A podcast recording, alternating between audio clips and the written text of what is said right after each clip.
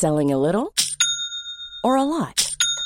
Shopify helps you do your thing however you cha-ching. Shopify is the global commerce platform that helps you sell at every stage of your business. From the launch your online shop stage to the first real life store stage, all the way to the did we just hit a million orders stage. Shopify is there to help you grow. Shopify helps you turn browsers into buyers with the internet's best converting checkout.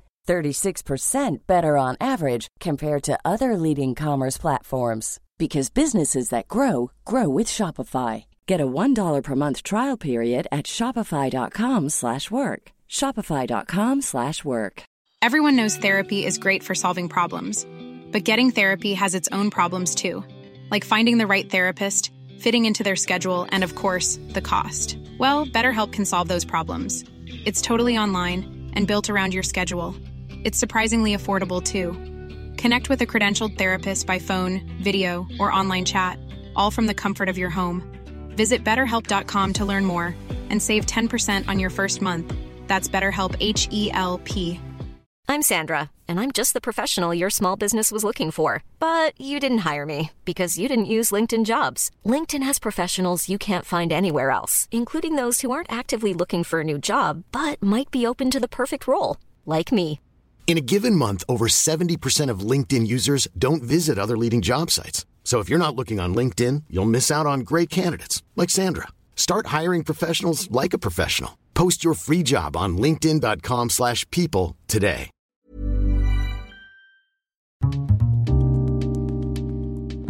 Det här programmet handlar om en noga utvald bok och ett samtal med dess författare. Välkommen till Lära från lärda. Fredrik Killeborg vid micken och den här veckan har jag läst en bok som jag håller i min hand och den heter Du ska inte bära skammen för det som hänt. Mitt emot mig, välkommen Maria Lundberg. Tack. Jag brukar alltid börja med att gästen får presentera sig. Så vi börjar där. Mm. Jag heter Maria Lundberg, jag är socionom och har en magisterexamen i socialt arbete. Och har arbetat på socialtjänsten i tio år. Och nu precis nyligen har jag blivit eh, adjunkt på Mälardalens universitet på socionomprogrammet där. Sen Aha. har jag ett eget företag som heter Vara Barn. Där föreläser jag om våldets konsekvenser för barn. Och jag bloggar på Livet på SOS, heter en Wordpress-sida. Mm. Och den här boken då? Vad brukar du säga? Har du någon hisspitch? Vad handlar den om? Skulle säga att varje dag om minst ett barn hem till sin förövare och du som vuxen skulle kunna vara med och bidra till att stoppa det genom att våga fråga och våga agera i det. Den handlar ju om att eh, vad du har blivit utsatt för när du växte upp. Obehagliga his- historier att läsa om kan man ju lugnt säga. Men som du säger, du, du skriver den i syftet med den är att sprida historien och hjälpa andra. Eller hur? Ja, och en del av att jag skrev den är att jag kan prata om sexuella övergrepp. Det var någonting som jag har tänkt att det inte går. Att det inte har, det, I debatten så finns ju det ämnet inte med så mycket mer än att man benämner sexuella övergrepp. Men jag har velat ge en bild av hur hemskt det är för barnet och hur ensam man är. Det är ett Mm. av syftena. Precis, och vissa delar är nästan lite jobbiga att läsa. Man bara, "Vad- det här är helt otroligt eh, att sånt här händer. Men, men ska vi, eh, jag tänker att vi börjar prata om din, vad du har varit med om, din historia. Mm. Ja, du kan berätta själv. Det, vad hade du för situation från början med dina föräldrar? Ja, det var egentligen strax efter separationen så när det blev bestämt att jag skulle flytta till pappa. Det var ju ingenting som vi barn, eller ingen av oss ville och jag ville absolut inte det heller. Vi hade ju vuxit upp med mycket våld och vi hade jag har levt i en familj med mycket bråk och skrik egentligen och hört saker, alltså glas krossat och så vidare. Och eh, visste att, men jag visste att det fanns ett, ett våldskapital hos pappa men jag var så liten. Så jag var tio år när jag flyttade dit och de sexuella övergreppen började nästan direkt. Och också mina tvångstankar kom ganska, ja men de kom nog samma, samma dag som de övergreppen började. Och sen fortsatte det från jag var 10 tills jag fyllde 16 år. Eh, och att det eskalerade då blev ännu grövre. Eh, och en sjuksköterska på gymnasiet upptäckte mig. Det gick du väldigt snabbt här fram i historien, men det var, det var en eh, bra summering Idag, långt efter, är det när folk frågar om det, är det jobbigt att prata om det? Det tror jag alltid att det kommer vara, men jag tänker att det också är möjligt. Det, jag tänker att, att beskriva varje sexuell handling mot ett barn, det triggar nog mer bara förövare, tänker jag på ett vis, men det kan jag också göra. Mm. Eh, så jag kan, men det är klart att det är jobbigt. Det här är ju en del av den barndom som jag fick som man inte väljer. Mm. Mm. Eh, du nämnde det att det var mycket våld innan, eh, att det växte upp med just, alltså han slog, eh, din pappa slog din mamma. Ja, det var mycket bråk både mellan dem egentligen som jag minns det som, en polis har varit hemma vid upprepade tillfällen och det har varit mycket skrik. Mm. Så att det, jag har vuxit upp med att Alltså när vi har vanliga konflikter så lär vi ju barnen att man kan bli sams. Man, har, man är oense om någonting och så kan man reda ut det. Men i mitt fall lär jag mig bara att det är farligt. Så att på något vis känner jag att jag visste hela tiden att pappa är farlig. Mm. Vi hade ju bevittnat det som ganska små. Man fick inte säga emot eller? Ja du, det minns inte jag. Utan jag vet bara att det blev tjafs och att vi hörde det. Vi var på övervåningen många gånger och hörde att det var skrik och så. Och att det slutade med att man hörde att pappa slog mamma. Han hade säkert fysiskt övertag då. Eh, vi ska återkomma till honom, men din mamma hade andra problem med alkohol? Ja, mamma hade problem med alkoholen och det tror jag hon hade under en längre tid, men det blev väl, det blev nog mer märkbart efter separation. Och ju äldre man också blir så tror jag att eh, mamma tog nog sin tillflykt till, till alkoholen egentligen för att, ja, för att försvinna bort tror jag. Mm. Så hon, jag visste ju hela tiden när jag skulle bli placerad så visste jag hela tiden jag kan inte bo hos mamma. Det kommer inte, det kommer inte bli bra. Nej, men du ville ju ändå flytta tillbaka hit. Hellre än bo hos honom. Ja, men jag skulle välja mellan de två. Ja, så ville jag ju inte flytta till pappa, men jag visste ju när jag gick på gymnasiet och skulle bli placerad, då visste jag mamma heller inget alternativ. Det visste mm. jag om. Men mm. som barn, jag hade ingen aning om vilka, jag visste inte hur det fungerade heller. Så socialtjänsten ger ju förslag på en familj, ett familjehem. Men då hade jag ju en kompis jag ville bo hos och fick mm. bo hos. Mm. Mm. Och när du då tvingades flytta till honom så började eh, övergreppen med detsamma. Det var 10-11 någonting. Ja, 10 år. Mm. Vad började det med? Det började med att jag satt i pappas knä och att han strök mig över ryggen. Och sen tog han handen under trosan och sen fortsatte det att han kom in och hämtade mig i sovrummet och så. Men också den här känslan av skam och skuld handlar om att jag själv har satt mig i pappas knä då. Till exempel. Det är sådana saker som gör att det tror det är svårt att prata om för man känner sig också medskyldig på ett vis. Eftersom man inte har någon att dela det med egentligen. Ja, för det återkommer du till det där, eller det, det hör man ju ofta, den här typen av berättelser, att det här med att man känner skam och skuld, att man är en del av det. Ja, förövare är duktiga på, så var min pappa också, på att eh, dela på skulden då. Eh, kom så ska vi ha det lite skönt, eller eh, kroppssensationer Eh, dina bröstvårtor blir styva, då vet man att du tycker om det här underlivet blir blött och så vidare. Mm. Att eh, jag tror att som vuxen sen har jag alltid vetat att jag inte har skulden. Det får man ju höra sen av andra, du är inte skyldig. Men, men det har ju påtalats när jag var ganska liten. Eh, det och pappa hotade mycket med om du berättar någonting så kommer polisen att ta oss. Och jag hade en väldigt osund relation till polis tills jag själv blev socionom och tänkte mm. nej men de samarbetar ju vi med. Eh, men det har liksom legat kvar så. Och ta oss också, precis som att han skulle, ja. de skulle ta det. Ja. Mm. Eh, så att det, det, det ingår någon typ av manipulation i det där medvetet hela tiden. Ja, och jag tror också, jag var tio år när det började, man ganska liten. Om man kollar, när man själv får egna barn och ser att de är tio år så tänker man, men hjälp, vad liten jag var egentligen. Mm. Eh, och en av de vanligaste frågorna som jag får i efterhand är också, har du varit arg på dina föräldrar?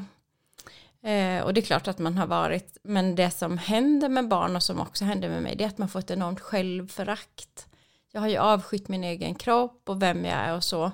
Och det har jag fått jobba jättemycket med i psykoterapin, att det var det jag fick hjälp med i den sista och senaste här nu, att via acceptans och det begreppet att våga se på verkligheten som den är också se att det är en, en Maria en liten flicka som var värd att skyddas. Lever han idag? Ja. Okej, okay, han lever idag. Eh, och han, han satt ju i fängelse. Han har fått sitt fängelse. Ja, okay. han erkände ju det, är ju, det är ju min historia lite speciell med då om man skulle jämföra med en del. Men, Men eh, jag kom på förhör hos polisen och pappa hämtades ju också samma dag och erkände på plats och fick sitt. Så han har fått sitt fängelsestraff och han har tagit sin del. Men jag menar att offret då som är jag i det här fallet, vi lever med, med konsekvenserna livet ut. Det är klart jag mår bra nu. Men jag har alltid en sårbarhet av min uppväxt livet ut. Mm. Eh, precis, han, han, eh, precis, han tog sitt straff. För många skulle ju säkert resonera att man, man, man kommer vilja hämnas, eller många gör säkert det också på olika sätt. Hur, hur, hur, vad är dina tankar om det som vuxen? När han lever någonstans, eh, hur ser du på det idag?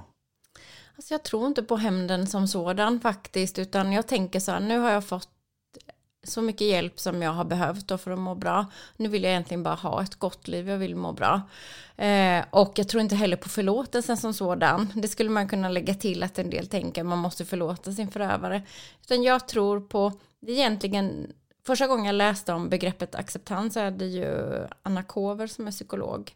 Hon har ju skrivit böcker om det. Hon har varit gäst här. Gäst här, precis mm. det vet jag, det har jag lyssnat på. Och den heter ju Att leva ett liv, inte vinna ett krig. Och när den psykoterapeuten jag hade introducerade acceptans, då tyckte jag att eh, Annas bok var väldigt dålig. För att det var så jobbigt att ta till sig av och tänka så här, acceptans skulle vara att man accepterar det man har varit med om. Och så är det ju inte. Utan det handlar om att se på världen som den är. Så när hämnd, jag tror inte på att livet blir bra av att gå med hämndtankar. Jag, jag ägnar faktiskt inga tankar åt min förövare alls, utan mm. jag vill, jag mår bra nu och vill uppmana dig och andra vuxna att se barn i din omgivning. Man behöver inte åka runt eller cykla runt och leta efter barn utan börja kolla i din egen omgivning. Barn berättar för barn vet vi. Så har du barn eller barnbarn så fråga dem. Barn berättar ofta för någon i, eh, i samma ålder, en jämnårig kamrat med ett tystnadslöfte. Så det, för, det kommer med där. Eh, och då kan man fråga sitt barn, har någon berättat en hemlighet för dig som är tung att bära eller som är jobbig att bära? Så kan man upptäcka barn. Gjorde du det? Berätta för någon eh, kompis i samma ålder? Nej, men det hade jag nog gjort om jag hade fått frågan. Mm. Mm. Eh, jag måste också bara få fråga just när det gäller din pappa då. Vad hans bakgrund, i och med att eh, han var ju någon typ av pedofil eller vad man ska kalla det för, alltså ja. någon typ av sjukdom. Hade han någon bakgrund? Hade han varit utsatt för saker när han var liten? Någonting du det vet, vet? inte jag. Nej. Det vet jag inte och jag har inte heller varit intresserad av att ta reda på det. För det är klart att det blir en förklaringsmodell. Men oavsett vad vi har varit med om så behöver var och en ta sitt ansvar som vuxen. Och ta hjälp och stöd. Jag är inte så förtjust i den där eh, offermentaliteten av att säga men jag hade en sorglig barndom och så blev det så här. Utan då får man ta tag i sina bekymmer det skulle han gjort. Eller skulle min mamma skyddat mig? Ja jag, jag håller med definitivt. Och från du var 10 till du var 16-17 det det är lång tid. Det är, ja. det är många år. Ja. det är helt otroligt. Ja. eh, det är nästan svårt att ta in Ja, det är det. Det är det för mig i efterhand också. Och då skaffade ju pappa ändå en ny familj och de som tror att övergreppen bara händer när ingen är hemma vet ju kanske inte heller hur det fungerar utan en förövare tar väl alla tillfälliga i akt som finns. Och det jag har reflekterat över i efterhand är ju hur, hur är det för ett barn att gå i en, en omgivning eller i sitt hem där man vet att en förälder är sexuellt upphetsad av, av ett barn då och där man inte vet när det ska hända men man vet att det ska hända. Jag vet att jag men jag trivdes inte hemma förstås, men jag visste också att hemmet var en farlig plats. Eh, så jag ville alltid vara någon annanstans. Så här klassisk fråga om man fick sova hos en kompis eller följa med pappas nya fru, vad de än skulle göra. Hon hade ju mycket uppdrag i kyrkan och så. Och jag har minns att jag vid ett tillfälle kände att jag orkar inte åka, men jag kan inte heller vara hemma om hon inte är kvar i huset då. Trots då att han hade en ny sambo så pågick det här också. Och ja. samtidigt som hon var hemma utan att hon visste om ja. det. Ja, till exempel om man satt och kollade på tvn med någon filt vid soffan så hade pappa sina fingrar i underlivet och så vidare. Mm. Så det fanns liksom ingen skyddad. Vi bodde i ett litet gult hus och det finns ingen plats i det huset där jag inte varit utsatt. Inget ställe varken inuti eller utanför. Ni bodde lite ute på landet kan ja. man säga. Mm. Uh. Och jag är ju född, alltså jag är en stadsunge. Jag tycker om att bo mitt i stan med gatlys utanför. Så för mig var ju det också förfärligt på ett vis. Jag tyckte mörkret där var läskigt. utan om man skulle varit utsatt. Men eh, var det egentligen inga andra som, som visste om det? Eller vad visste din mamma? Vad tror du att hon... Jag vet inte om andra vet och det är ingen heller i efterhand som hört av sig och sagt när boken kom nu att vi visste eller sådär. Eh, det var någon väninna till mamma som sa någon gång det kunde man anat. Eh, och jag menar att anar man att någon förgriper sig sexuellt på sitt barn då är det socialtjänsten man gör orosanmälan till. Mm. Men det är vi ju obekväma med, att det ska vara obekvämt. Men hade jag fått räddas tidigare hade jag haft mindre symptom, det är jag helt övertygad om. Mindre svårigheter i alla fall, det är följt. Långt upp i vuxen ålder har det följt med en känsla av tomhet. Jag har ju utbildat mig och gått på Friskis och Svettis, sjungit i kör och fått barn och så, men det har varit någon tomhet som jag inte har kunnat, eh, ja, den är svår att beskriva. Så jag kände till slut att livet är för tungt egentligen. Även att det också var ganska bra. Alltså en tomhet i att det känns meningslöst. Ja, jag har svårt att hitta meningarna, precis. Ja. Mm. Fortfarande? Nej. Jag eh, kontaktade en, en psykoterapeut eh, för jag trodde att jag var en borderline-tjej och det säger man inte längre då, men det heter ju ABES nu då. Eh, Vad är det för något? Då? Det är ju emotionell instabil personlighetsstörning tror jag man säger då. Men då, de symptomen på det som då kallades borderline med brist på impulskontroll och ja, de här väldigt svårt att reglera väldigt starka känslor. De kände jag igen mig i så då skrev jag till henne jag tror att jag behöver någon medicin av något slag. Jag har i alla fall bekymmer. Och då fick jag komma upp till Stockholm och träffa henne. Och då sa hon att eh, hon var ganska övertygad direkt om att det var traumasymptom. Och det hade jag aldrig hört då.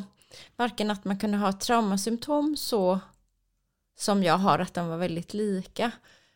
Eller om jag aldrig hade velat lyssna in men jag tror det var faktiskt första gången. Och så sa hon, så sa jag det att jag upplever att livet är för tungt. Och då sa hon att hon ville behandla mig först och så kan vi prata sen om, om livet och om man orkar eller inte då.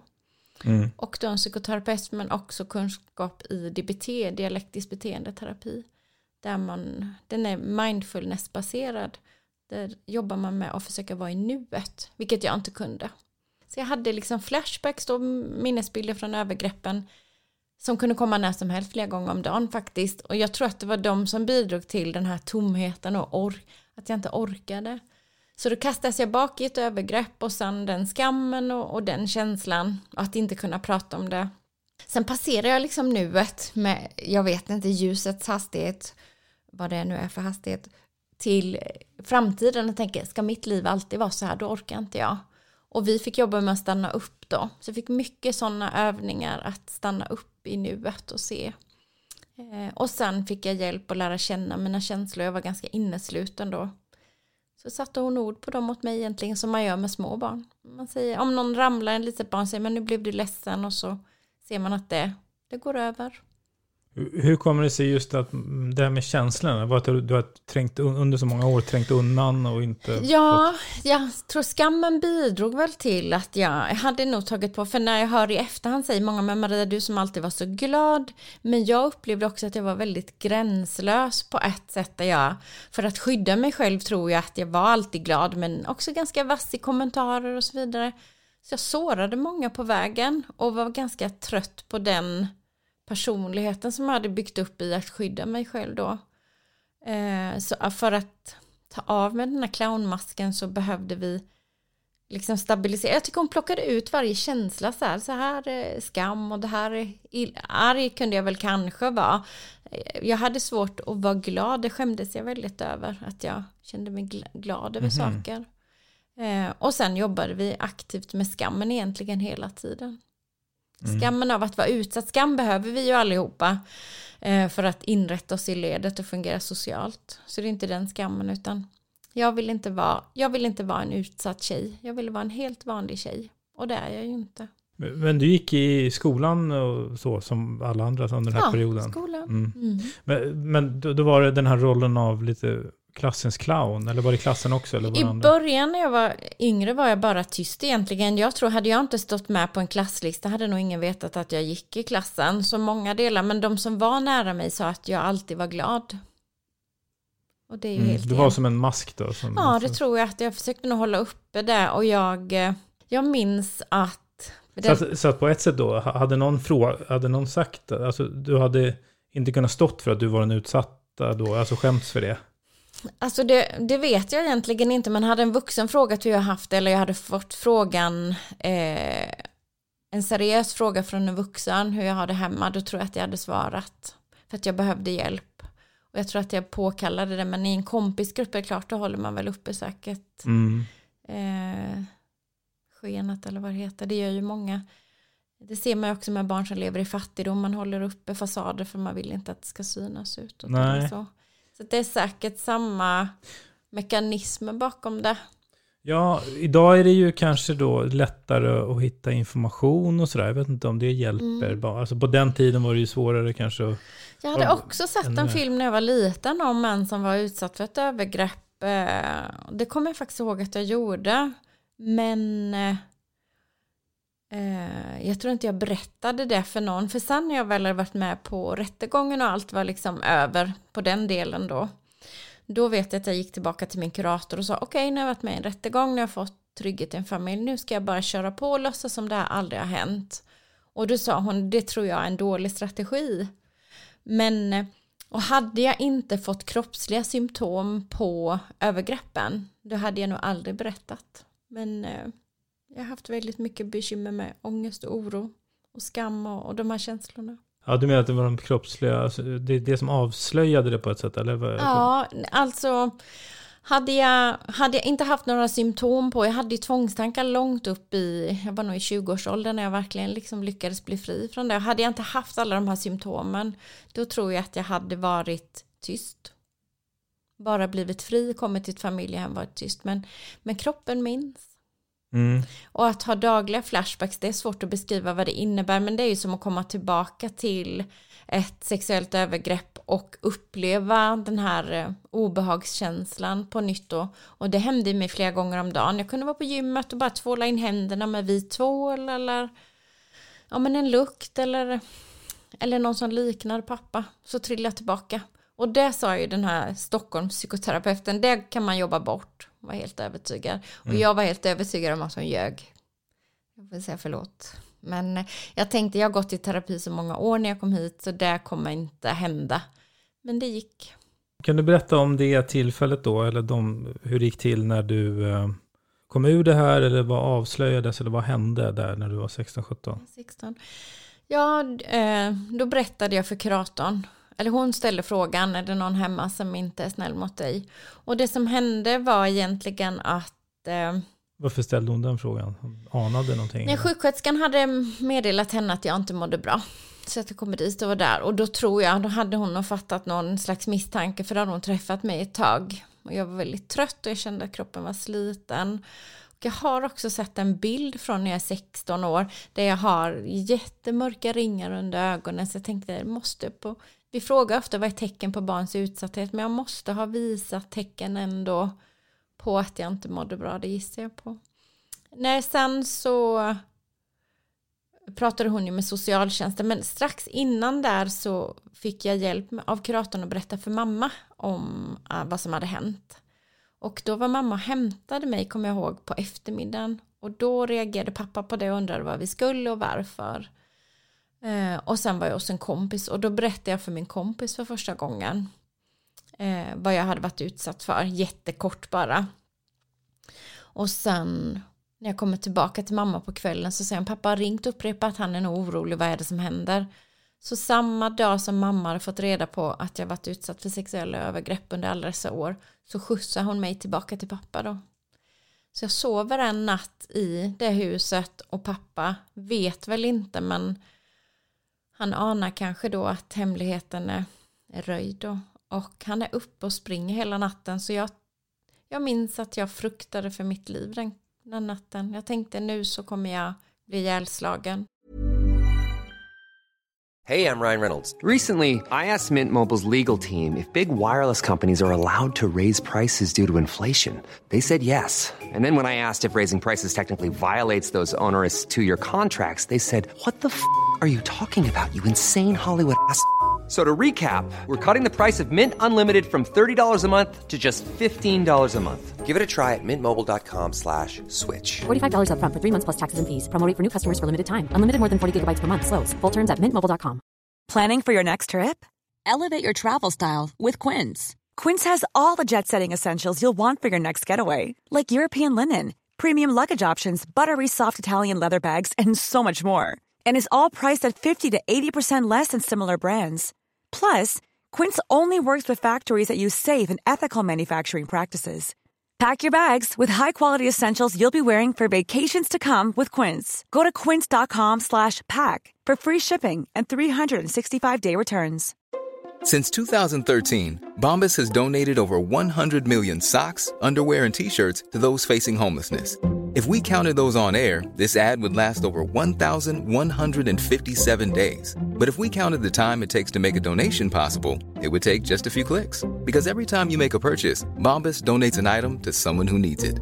Go to bombas.com slash ACAST and use code ACAST for 20% off your first purchase. That's bombas.com slash ACAST, code ACAST. Men då, vid den tidpunkten, var det ingen, var ingen som hade ringt polisen eller? Nej, utan då hade socialtjänsten kontaktats för då var kuratorn, då hade kuratorn en misstanke om att jag var utsatt. Men dagen efter kom socialtjänsten och placerade mig. Så det gick snabbt. Mm. Det var ju ändå ganska snabbt agerat. Man tänker också, ibland snabbt. kan det ju, man hör ju om berättelser där det där tar så lång tid. Mm. Och, och, så att det hinner hända grejer, mer grejer. Ja. Och så vidare och så vidare. Men det där... Det hade det kunnat göra här med om inte, jag tänker så här, det allra sundaste oavsett vilken, ja men hur man, jag kan förstå att mamma tyckte det var jobbigt och, och med sina bekymmer, men jag tänker att oavsett i vilket skick man är så behöver man som vuxen där när man får den berättelsen, skulle mamma ringt vem som helst av sina vänner tänker jag, eller, eller någon, och hjälpt till att skydda mig där då. Eh, Så att det är väl ett väldigt svek tycker jag. Att inte mamma stod upp för mig där. Ja, verkligen. Ja, nej, det var ju... Även om man kan säga att hon har sina bekymmer och hon kanske inte har klarat av det så hade hon klarat av det. Jag har försökt uppmana på socialtjänsten när jag jobbar. Då, då måste man se sig om i sin omgivning och se finns det någon annan som kan vara stark och liksom vuxen i det och ta tag i det då. Så att jag har två föräldrar som har, mamma lever inte nu, men jag har två föräldrar som är helt likgiltiga inför mitt lidande. Ja, allmänt inkompetenta. Ja, inte bara det, men ändå att det här känslan av att man kan tänka att man är, är värdefull. Sen efter rättegången så fick jag 100 000 på ett konto och då minns jag att jag tänkte så här, okej, barn som jag då, vi är inte värda så mycket. Andra föräldrar säger att man är ja, men värd allt eller så. Men det finns ett sum en summa på oss samhällsbarn, så känner jag länge. Jag gav bort mycket av de pengarna, kommer jag ihåg, till andra projekt. Ja. Hade jag behövt. Det visste jag inte då när jag var 16 att jag hade behövt gå i psykoterapi så många år. Så de 100 000 hade jag behövt egentligen för terapikostnader. Det är dyrt. Men eh, du hoppade fram där, men jag tänkte bara, vad hände? Du sov en sista natt hos honom, vad hände Mm. Ja. sen då? När, eh, med polis och allting? Och sen så blev jag hämtad och då var jag hos kuratorn och socialtjänsten kom och ställde samma frågor. Och då berättade jag också att pappa inte är snäll och då pratade, då, var, då berättade vi om, eller om sexuella övergrepp. Men jag behövde inte ge så mycket detaljer så det var ändå en klok socialsekreterare för det är svårt att göra det. Eh, och sen så var det polisförhör och då filmades jag där och då sa de att vi filmar dig nu därför att du ska slippa vara med i en fysisk rättegång då. Det tror jag polisen glömde bort eller så jobbar man inte så. Det här är ju, det här är ju länge sedan. Och pappa hämtades på sin arbetsplats samma dag och erkände på plats och han- ja, de säger i polisförhör att vi hade samstämmiga uppgifter och det, för mig har det ändå varit bra, det är synd om. Ja men det är bra på så vis att jag aldrig behövt gå och tänka så här, ska jag bli trodd eller inte? Nej, precis. Ja, och att, och vad det hade blivit för utfall. Ja, det blev en fällande tiden- dom. Ja men precis. Ja, för Mm. det var, ja, Mm. på den tiden såg lite annorlunda ut. Ja. Ehm, så han erkände allting, det var inga konstigheter så med själva Nej, rättegången. han erkände vad, vad som han hade gjort och sen så tog han sitt fängelsestraff. Och det som blir orättvisan är det, nu är inte jag intresserad av eh, förövarhistorier eller förövares sätt att, eh, jag har inte haft fokus på det utan på min egen resa framåt och, och, att upptäcka barn. Det har varit mitt, mitt mål eller så. Men, men som, som brottsoffer så med sexuella övergrepp så påverkar det ens liv och jag skulle säga att jag får leva med den här sårbarheten livet ut. Mm. Oavsett, jag mår ju väldigt bra idag. Alltså jag har inga flashbacks.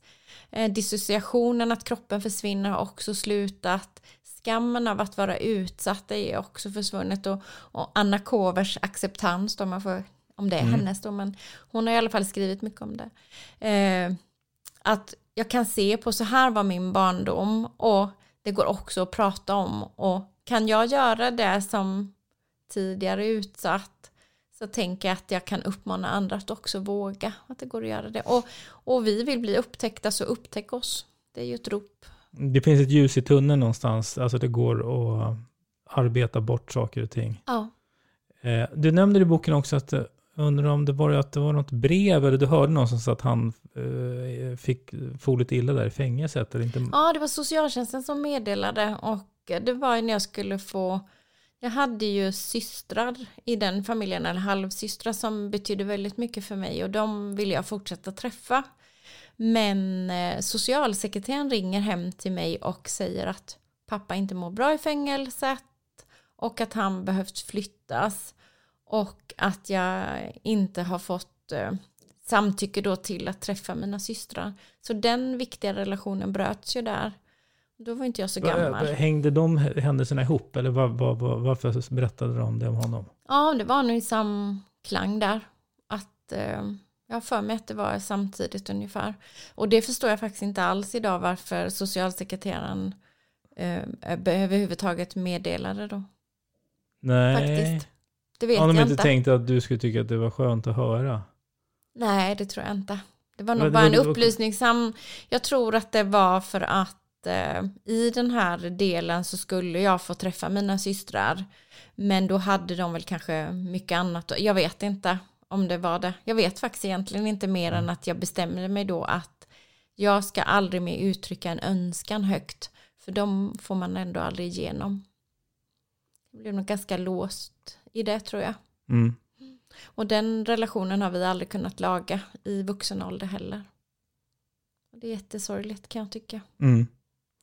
Eh, och om man tänker då om vi mm, fokuserar på det, den tiden efter, Mm. som du har eh, gått i, terapi, träffat olika Mm. eh, psykologer och sådär. Du har berättat, beskrivit mycket av det nu. Men om, hur lång tid har saker och ting tagit och hur har det utvecklats framför allt? De olika delarna.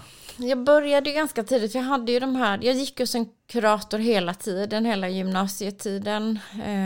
Och eh, sen, sen gick jag på, jag var ju kristen då, och eh, vilket jag inte är nu. Jag läste religionsvetenskap och kom på att jag inte tror på något faktiskt. Vilket var ganska befriande tycker jag, att, att få gå och Det läsa. kanske är tips till alla som... Ja, i alla fall så upplevde jag, det var på lärarhögskolan, jag gick ett teologiskt basår. Och på lärarhögskolan hade vi religionsvetenskap och då så fick man ifrågasätta tron på ett nytt sätt eller sådär. Då kände jag att det här tror jag inte på. Men innan dess hade jag gått en bibelskola i alla fall och där var det en lärare där som sa att, eh, för det blev också känt att jag var utsatt. Eh, och då trodde de att jag var besatt då, eller av en ond ande. Det skriver jag ju också om. Men eh, det tänkte jag, det kan inte stämma. Så mycket självkänsla hade jag i alla fall. Att jag visste att det inte var mitt fel. Eh, så jag tänker, om det finns en gud så kan han inte jobba på det sättet i alla fall. Det var jag nog ganska övertygad om, även om det var jobbigt. Men, nej, men då sa hon att eh, hon hade träffat en kvinna som hade varit utsatt som jag. Hon hade fått prata av sig då i en terapi eh, och mått bra. Så då tog vi första kontakten och då var jag 20 år och då kom jag till en terapeut som jag inte vet om hon var egentligen psykoterapeut eller legitimerad, vilket är bra om man är ju. Och där gick jag två och ett halvt år och jag berättade egentligen ingenting och jag tyckte att det var, för hon sa ju så här, det här är din timme, berätta vad du vill och du vet jag som skämdes och jag berättade väl om allt annat då. Jag pratade nog inte alls något om, om det som var. Eh, och hon ställde också lite så här frågor, vet jag hon sa, eh, ni kristna flickor måste inte ni vara oskulder? Eh, vad säger Gud om att papp, din pappa tog din oskuld? Ja, jag tänker, i efterhand tänker man det är faktiskt inte det största bekymret. Eh, vad Gud säger eller inte, om han nu finns då. Så det blir också väldigt... Och jag kommer ihåg att, att prata om det, jag var ju en tyst flicka så, här, så jag tänker prata om det kan inte vara min väg fram. Det kan bara inte vara det.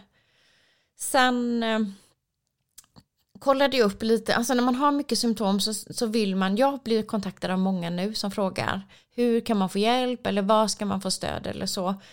Och jag kan egentligen inte ge några råd mer än att var och en måste gå sin väg fram då vad som passar. Men jag har testat symboldramaterapi. Då är man mellan vakenhet och sömn och så ska man liksom räkna ner och gå ner i det undermedvetna. Det passar inte mig, jag blir livrädd.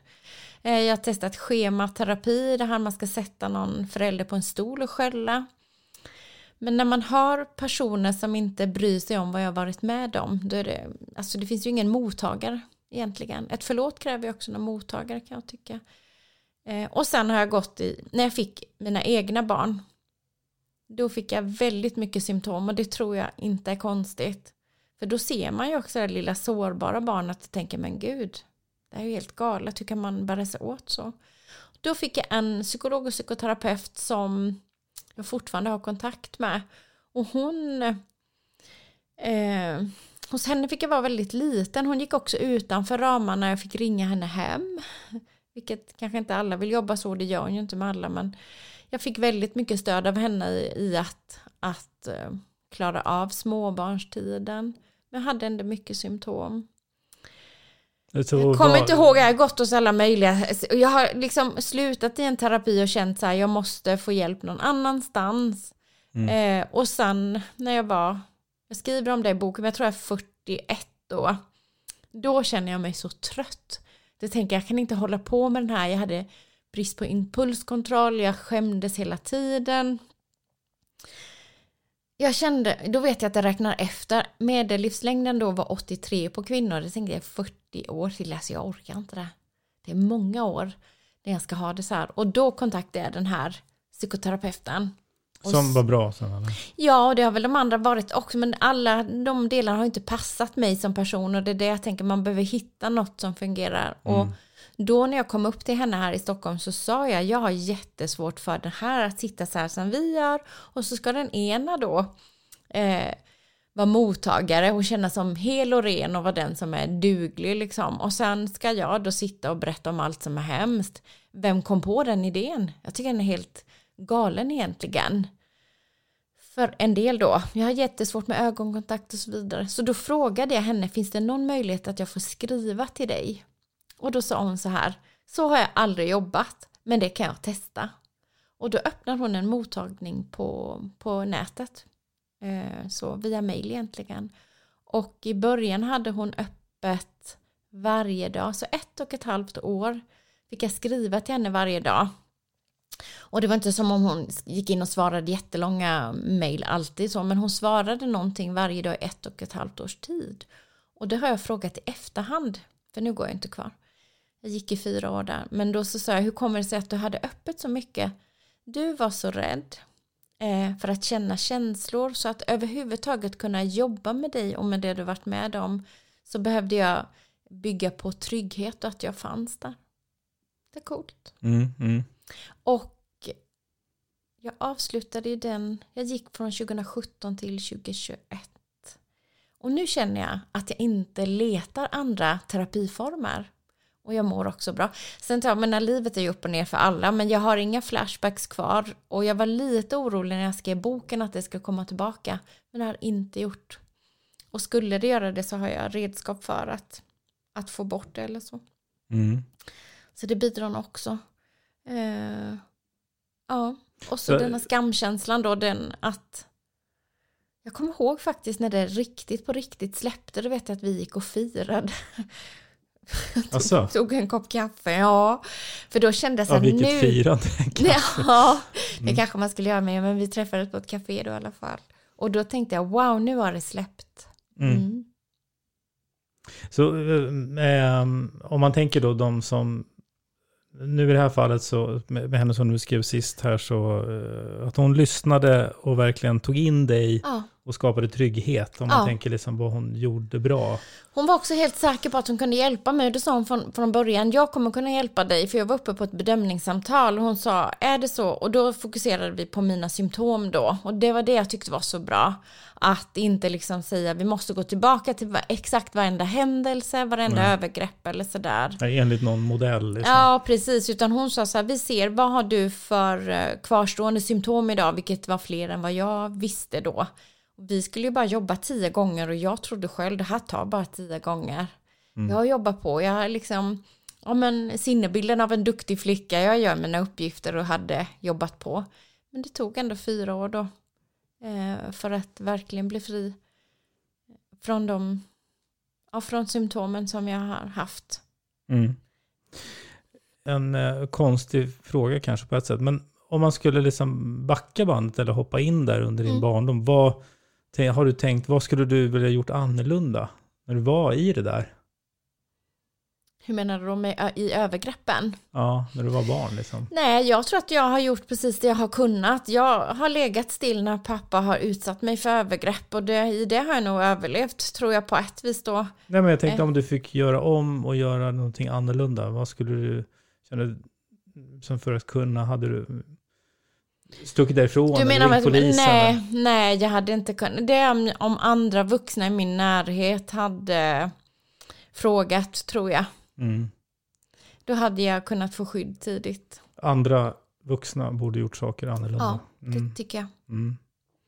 Det tycker jag för eh, ibland får jag frågan vad tänker du att det är obekvämt för vuxna att eh, alltså vi vill inte tro att vår fina granne som vattnar blommorna när man är på semester förgriper sig sexuellt på sitt barn. Det vill vi inte.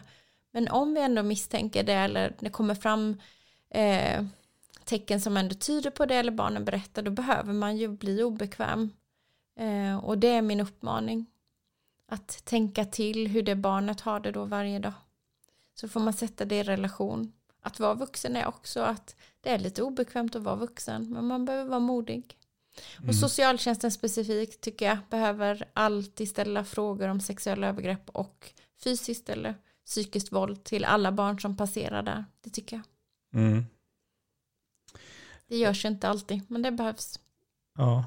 Eh, Och, och sen, jag tänker, du, du har ju då lång erfarenhet av eh, efterarbetet. Ja. eh, Det som du har. Är det någon, någonting där som du känner, någon rekommendation från det eller någonting som du känner, där hade jag kanske kunnat gjort annorlunda så hade det blivit gått snabbare eller Ja, bättre. det har jag fått frågan tidigare, för jag har ju gått hos en van, jag har gått hos, i en vanlig psykoterapi, men den här eh, psykoterapeuten hade kunskap i dialektisk beteendeterapi och det hade jag inte hört talas om tidigare.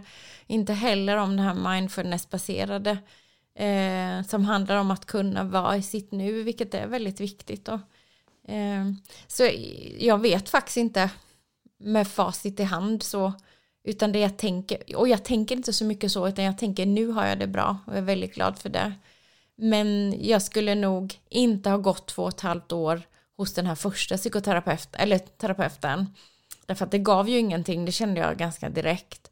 Att eh, också våga ifrågasätta eller tänka så här, äh, det var ju hon här uppe i Stockholm väldigt noga med. Vi träffas några gånger och ser, eh, passar vi med varandra? Eh, får du ut någonting av det här? Hon kollar ju av hela tiden egentligen. Eh, annars hade vi avslutat det och det tycker jag är det mest schyssta. Svårt att veta också när man är helt ny och inte har, som du var då. Ja, alltså ny, ny och väldigt ung, vet jag var i 20-årsåldern. Ja, exakt. Man tycker då att man var ganska stor men egentligen inte. Mina barn är i 20-årsåldern nu. Så att eh, jag tror att, och jag ville ha hjälp egentligen. Men också kan det bli så att man tänker, "Ja, men då är du väldigt utbildad och så kanske jag inte vet. Men man äger ju sin egen berättelse och sen man är så van att ha gränser överträdda tror jag så att det är svårt också att veta. Vad får jag säga och när får jag svara nej och vad får jag tycka? Utan eh, Stockholmsterapeuten hjälpte mig att hon har ju gränsat mig på ett sätt eh, där jag eller visat sina gränser tydligt ska jag säga. Och i dem har jag ju hittat mina egna. Mm. Eh, Så jag kunde komma till jobbet ibland och inte veta. Jag vet att jag hade en kollega som alltid ville gå och ta en kaffe och det är väl ingen stor grej egentligen. Men då frågade terapeuten, vill du det? Aldrig får, ingen aning. Men sen när jag tänkte efter, nej det kanske jag inte vill egentligen, för jag hade nog velat starta mejl mm. datorn och kolla mejl då. Men det har aldrig ens liksom funnits att jag har kunnat tänka vad vill jag? Och att kunna göra aktiva val, det skapar ju en självkänsla i en att eh, ja, men man blir medskapare i sitt liv istället för att bara ramla runt. Du har jobbat upp det kan man säga. Ja, det har jag gjort. Mm. Men sen har jag också, jag har ju personer som finns väldigt nära mig eh, är tydliga med sina gränser och de tycker väldigt mycket om mig och jag behöver det. Mm. Vi, vi, har hoppat runt lite. Ja. Är det någonting i boken som du vill nämna som inte har nämnt? Ja, alltså det som jag tycker är en av de viktigaste delarna att skicka med till yrkesverksamma, om man skulle säga det, som har ett ansvar för när man jobbar på socialtjänsten, det är ju dels att vara noga med att kolla av placerade barns viktiga relationer och jobba för den. Det tycker jag är jätteviktigt. Eh, och sen att ställa frågorna. Mm. Ja, vi, vi kom inte in så mycket på det, men du hamnade ju i en, en fosterfamilj där. Ja. Eh, I samband med det som funkade bra. Ja, det ska vi säga. Där har, har man också hört många skräckhistorier, men den funkade bra. Ja, och de tog bara emot mig och jag hade väl lite tur då för eh, min familjehemspappa reste, var säljare där, så det var jag och familjehemsmamman för den dottern som är exakt lika gammal som jag, eller hon är född i november, jag september. Hon fick, eh, gick på gymnasiet eh, på annan ort. Så det var bara jag och familjehemsmamman hemma mycket på vardagarna. Och det var bra för mig. Jag mm. behövde en mamma. Men jag längtade efter en mamma och fick verkligen en supermamma faktiskt. Har ni kontakt idag? Ja. Jag brukar alltid avsluta med frågan, förutom att läsa boken, vilken rekommendation skulle du vilja skicka med till lyssnarna? Att vara modig. Att våga, våga stå upp för ett barn, för du räddar liv. Om man lyssnar på det här och ställer en fråga till dig, kan man hitta dig någonstans? Jag har ju den här Wordpress, den heter Livet på SOS. Eh, en Wordpress-adress. Och sen en blogg finns jag eller? På, ja, och så finns jag på LinkedIn och Facebook. Jag får mycket meddelanden på Messenger på Facebook, det går alldeles utmärkt. Tack för att du var med. Tack så mycket för att jag fick komma.